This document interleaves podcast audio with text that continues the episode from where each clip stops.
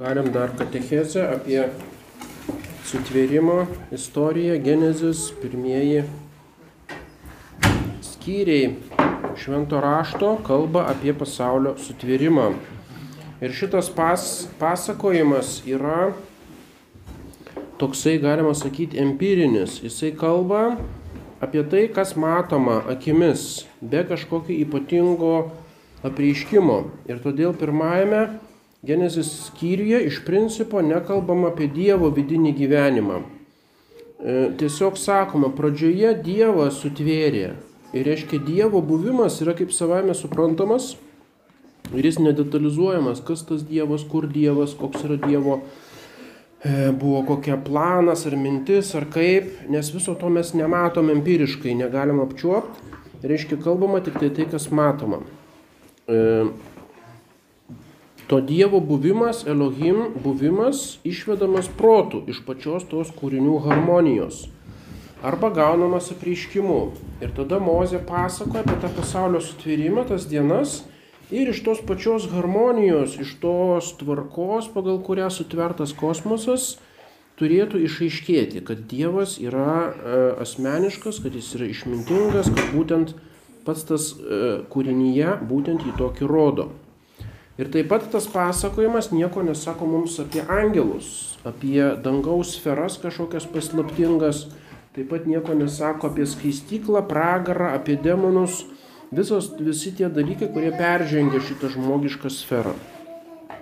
Pats pirmasis angelų sferos paminėjimas yra tik tai trečias skyrius, e, Genezis trečias skyrius, tai yra gundimas žmonių ir sakoma žaltys arba ta gyvatė Ir pagal mūsų tikėjimą tradiciją būtent tai yra puolęs angelas, bet irgi nesakoma, kad tai angelas arba e, žalčio pavydalą prisėmusi dvasia. Ir paskui tik tai trečiam skyriui 24 eilutė pirmą kartą paminimas kerubas. Kerubas tas angelas, kuris saugo su kalaviju rojaus vartus. Ir irgi niekur neparašyta prieš tai, iš kur tas kerubas atsirado ir iš kur tie angelai apie angelų sutvėrimą būtent toje pradžioje nieko nekalbama. Ir paskui yra minimi tie Dievo sūnus, kurie būtent yra ne angelai, kaip jau minėjome, šeštame skyriuje Genezis. Ir tik tai šešioliktas skyrius Genezis atsiranda angelus dominį, reiškia viešpatės angelas, kuris kažką Hagarai apreiškia. Ir paskui 18 skyrius, kaip tie trys vyrai, būtent ir Abromas atpažįsta, kad tai Dievo angelai, būtent jie ateina pas Abromą ir e, ta garsioji Rubliovo ikona, būtent tai yra toks pirmas tikras e, iškilmingas angelų apsireiškimas. Taigi matome tik tai nuo 18 skyriaus genezis ir tik tai iš vėlesnių švento rašto knygų apie tą visą dvasinį pasaulį sužinome.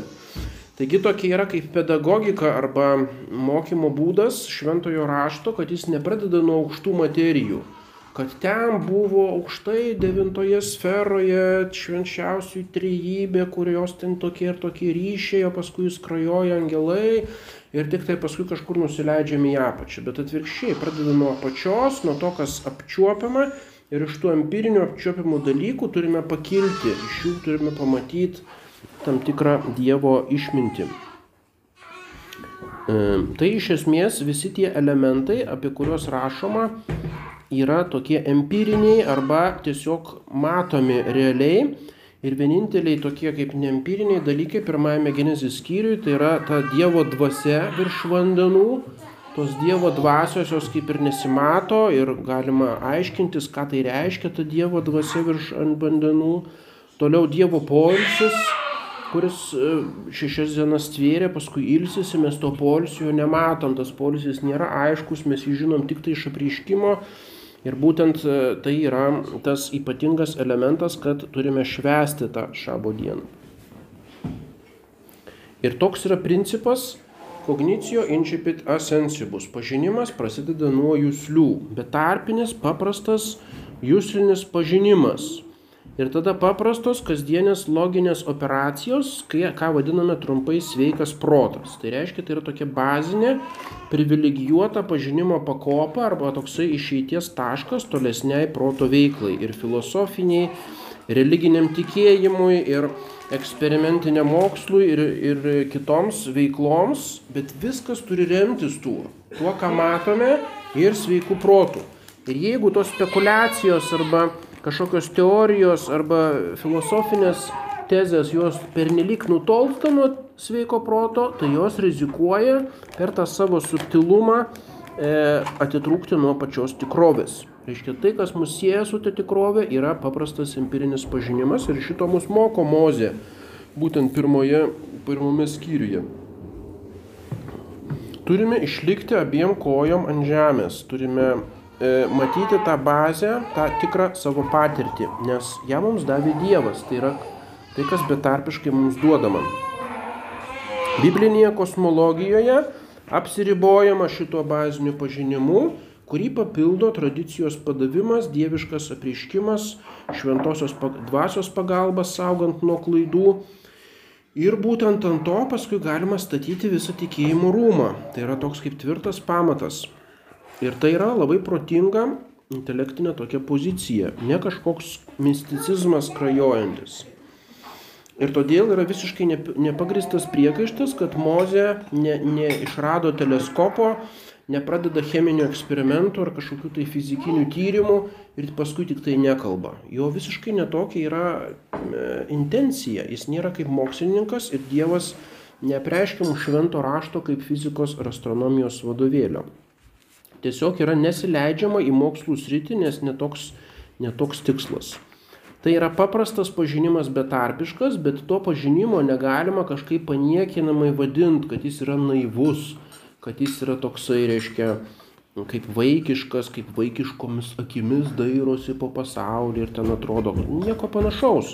Moze nebuvo kažkoks naivus valstietis, jis, jis tikrai išėjo tą mokyklą Egipte, kur buvo aukščiausio lygio civilizacija ir rašto kultūra. Ir jis tikrai buvo baigęs mokslus ir buvo raštingas. Ir jis kalbėjo ne naiviems klajokliams, beduinams, berašiams, kažkokiems uh, E, pusiau kaip vaikams, o jis kalbėjo savo elitui, jis tą prieškimą perdavė rašto aiškintojams, kurie vėliau moko. Ir todėl negalima šito genezis pradžios knygos skaityti kaip tokios pasakėlės, kurią reiškia senelis Moze pasakoja kažkokiems naiviems vaikams tokiais vaikiškais vaizdais. Tai yra absoliučiai klaidingas įsivaizdavimas. Tai nėra liaudžiškas, naivus arba primityvus kažkoks aprašymas, o tiesiog apsiribojama tais dalykais, kurie yra empiriškai pažin, pažinus, apsiribojama tik tai keliais elementais, nesigilinant į visą sistemą ir nesiekiant visko apriepti. Ir tai jokių būdų neprieštarauja jokiam mokslui. Tai tiesiog yra pradinė stadija. Ir čia nieko nėra nemoksliško ar primityvaus ar naivaus. Reiškia, Genezis dalykus aprašo paprastą nemokslinę kalbą. Reiškia kalbos klausimas. Jeigu kalba nemokslinė, tai nereiškia, kad jinai klaidinga. Iš vis mokslinė kalba yra dirbtinė kalba, kuri yra kaip anstatas ant to sveiko proto. Jis turi papildyti tik tai arba giliau išaiškinti tai, ką mes pažįstam betarpiškai.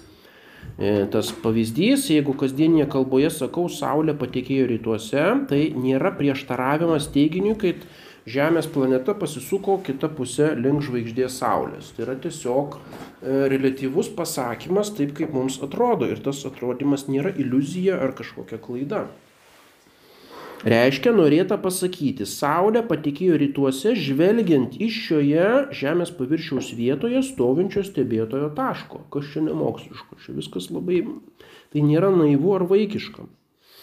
Reiškia, Genezis parašyta ne šių dienų gamtos mokslininkams, bet senovės išminčiams ir paprastiems žmonėms. Reiškia, tai yra genialu, kad tą patį tekstą gali skaityti paprastas žmogus ir jis maždaug supras, o kartu jis yra skirtas išminčiams. Tai yra labai struktūrizuotas, kaip mes matysime, nepaprastai sustiguotas, toksai kaip kristalas tas visas tekstas, kurį per šimtmečius ir žydų išminčiai ir paskui E, krikščionis katalikai per amžius jį studijuoja ir iki galo negali, negali suprasti. Reiškia, jis ir atskleidžia nepaprastą išmintį, bet kartu jis yra paprastai žodžiais išreikštas ir kažką pasako ir paprastam žmogui. Ir reiškia, jisai aiškiai siekia deskriptyvaus aprašymo kosmoso kilmės ir raidos. Tai yra akivaizdu.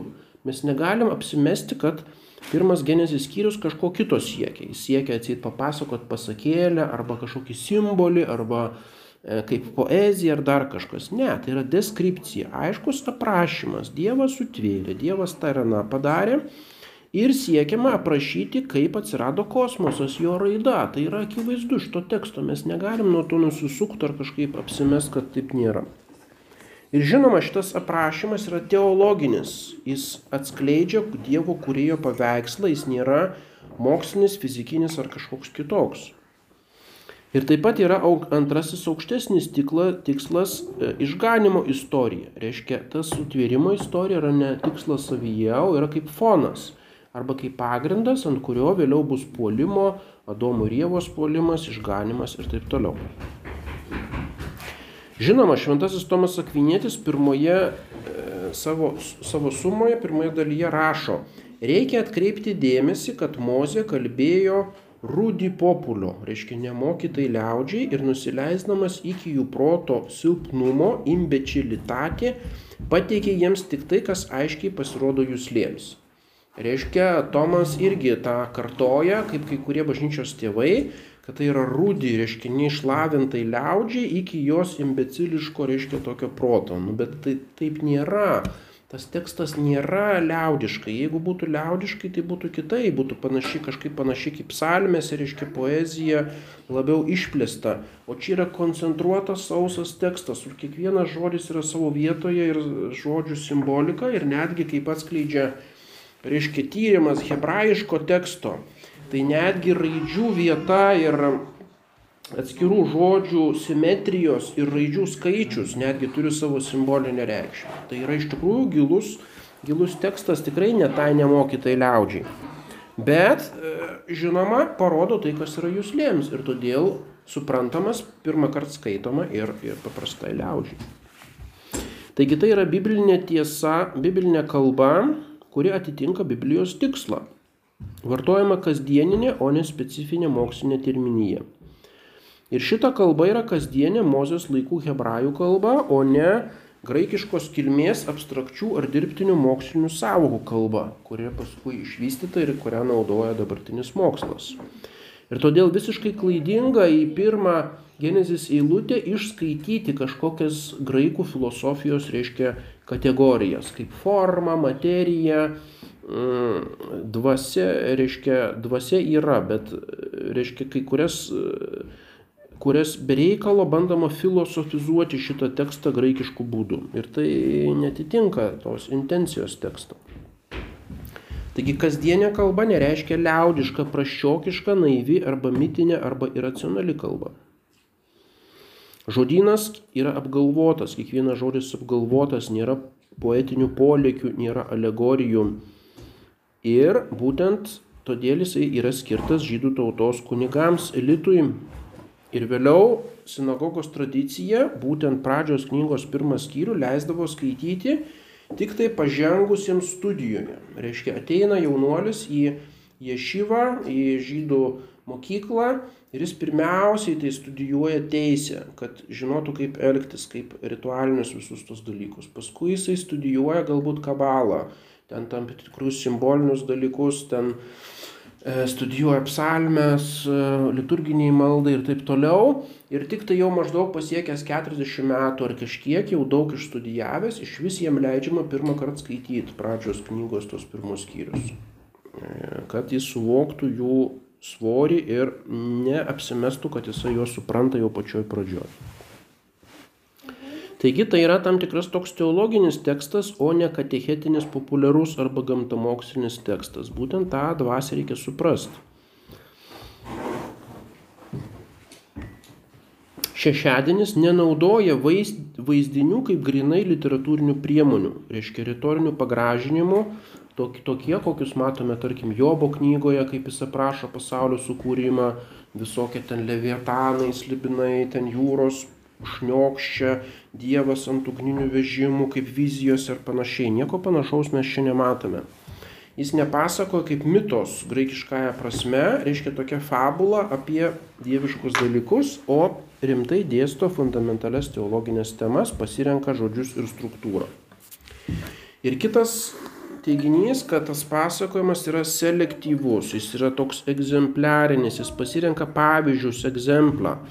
Jis selektyviai išsirenka kai kurios elementus ir nesiekia jokių būdų išsamumo. Ir todėl bandyti pritempti, kad kažkoks žodis apima kažkokią tai daiktų ar substancijų kategoriją, ar ten apima visą gyvūniją, ar ten dar ką nors, viso šito visiškai nereikia.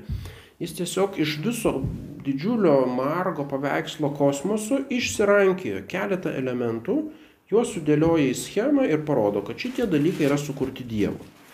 Tarkim, nieko nerasim, tarkim, gyvų būtybių, kar, gyvų būtybių visas apimtis dabartinėje, reiškia, dabartinėje taksonomijoje arba suskirstime yra septynios karalystės, reiškia, tai aukščiausios septynios karalystės, tai yra archėjos, yra bakterijos, paskui eina grybai, paskui, ne, pirmia paskui eina augalai, po augalų jau šiek tiek aukštesni grybai, paskui eina, ir, ir paskui eina gyvūnai. Ką dar, dar pirmuonis yra, pirmuonis. Tai kur tos visos septynios karalystės? Mes matom tik tai gyvūnus ir tai tik tai pačius didžiausius ir matom augalus. Nekalba mozė nei apie bakterijas, nei apie parazitus, nei apie... Net apie grybus nekalba. Tai reiškia visiškai jokios nėra tokios intencijos visą išsamei apibriežti sutvertą į pasaulį. Nesiekiama pilno išsamaus kosmoso aprašymo. Neminimi daugybės regimi, daugybė regimų dalykų, o tik kai kurie iš jų. Reiškia smulkių gyvūnų, jūros augalijos, dirvos sferos, požemio pragaros sferos, ugnies neminima, ugnies elementas. Nieko nerašome apie kometas, apie įvairius atmosferos reiškinius, kurie paskui didžiulį įspūdį kėlė Aristoteliui ir jis daugybę knygų prirašė apie tai. Nors tie dalykai buvo matomi plikomis akimis. Jis nesiekia pateikti kosmoso dalių ir būtybių klasifikacijos. Ir taip pat beviltiška ieškoti graikiškos sampratos keturių elementų. Yra graikiška ta teorija - žemė, vanduo, oras ir ugnis. Ir ant to nuo pat seniausių filosofų remiasi visi graikai. Tokia ganėtinai keista ta teorija, sunkiai mums suvokiama netgi, bet graikams tai buvo kaip pagrindas visos fizikos. Ir štai pas žydų mąstymę tai yra visiškai svetima. Niekur pas juos nerasim apie elementus, net, net užuominos. Reiškia, užgrėbiama selektyviai kai kurios būtybės, nurodoma, kad jų kilmė yra Dievo atvirimo darbas, o ne kažkokių dievybių ar angelų veikla. Viskas sutverta iš nieko, Dievo visagalybės, viskas yra nuo jo priklausoma. Taigi nekalbama apie planetų formavimąsi arba e, Žemės paviršiaus kažkokią atsiskyrimą nuo požemio gelmių, nors tai mums atrodytų, kad turėtų paminėti, kad Žemės paviršius sukietėjo atsiskyrė nuo tos požeminės ugnies. E, reiškia, kaip, kaip kalbama, sausumos atsiskyrimas nuo drėgmės sferos. Taip, viskas logiška, reiškia, kai žiūsta, tai yra fundamentalus toks skirtis. Bet kažkodėl nekalbama žemės atsiskyrimas nuo ugnies sferos. Ir tada mums trūksta to pragaro, požemio visos, kuri tikrai e, žadino vaizduoti ir to meto žydų. Reiškia, nepilnas netgi tų fundamentalių separacijų arba atskirimų sąrašas. Reiškia, nėra net pagrindinės bazinė struktūrizacija yra tik tai kai kurie elementai paminėti, o ne, ne viskas. Paminėti tik tai tie pagrindiniai šviesuliai - Saulė, žvaigždės, minulis, žemės augalai, gyvūnai ir žmonės.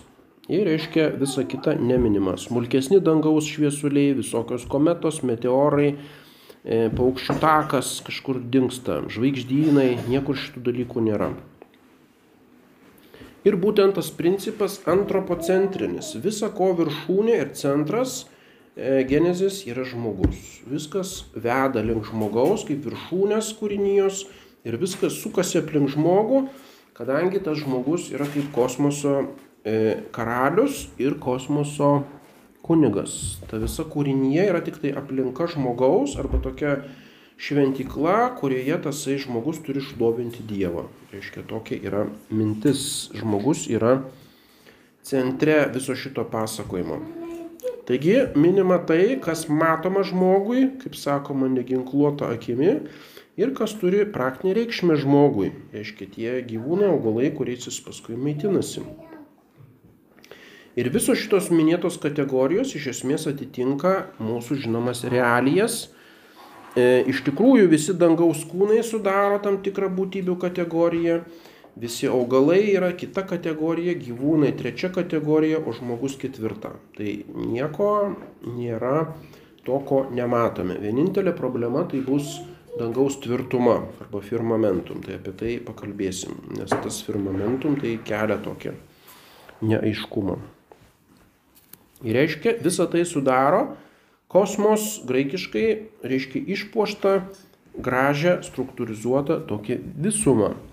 Ir būtent kodėl ne vienu žodžiu pasakoma, kad tik tai Dievas sutvėrė dangų į žemę ir paskui detalės jo atsėt nesvarbios, bet tos visos detalės pateikiamos, kad išvengti, reiškia, tarpinių būtybių įsikišimų. Kad, reiškia, Dievas viską, ne tik tai bendrai pasaulį sukūrė, bet ir atskiras būtybių kategorijas ir nesinaudoju nei angelais, nei kažkokiais e, demiurgais ar kažkokiamis kitomis tarpinėmis būtybėmis. Reiškia, tvėrimas yra vien tik tai Dievo darbas, viskas e, priklauso nuo jo ir tai yra kaip fundamentas monoteizmui. Reiškia, Genesis pirmas skyrius yra monoteizmo manifestas, galima sakyti, prieš mitologinį po, po, politeizmą.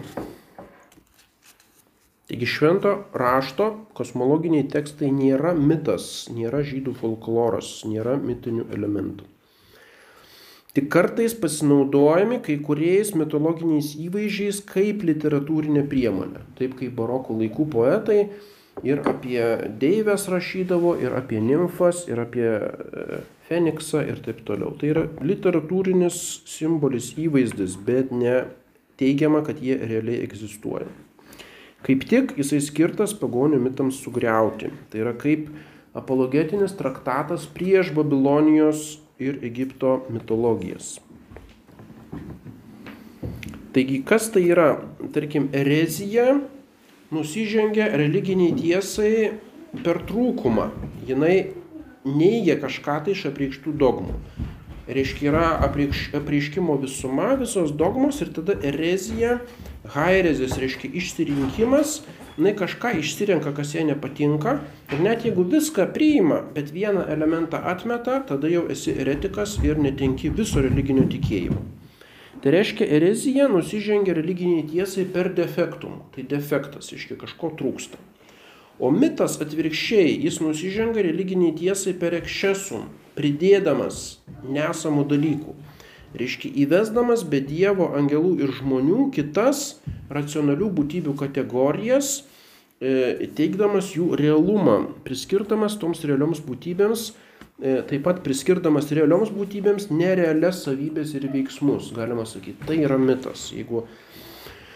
Ir tada kalbama apie, tarkim, kaip islame yra džinų kategorija įvedama. Nors realiai jų nėra, bet tai yra kaip esminis islamo kosmono, kosmologijos elementas. Reiškia, įvedama protingų būtybių kategorija, kurios nėra. Arba kažkokie atsiranda milžinai, dievai, pusdieviai, herojai.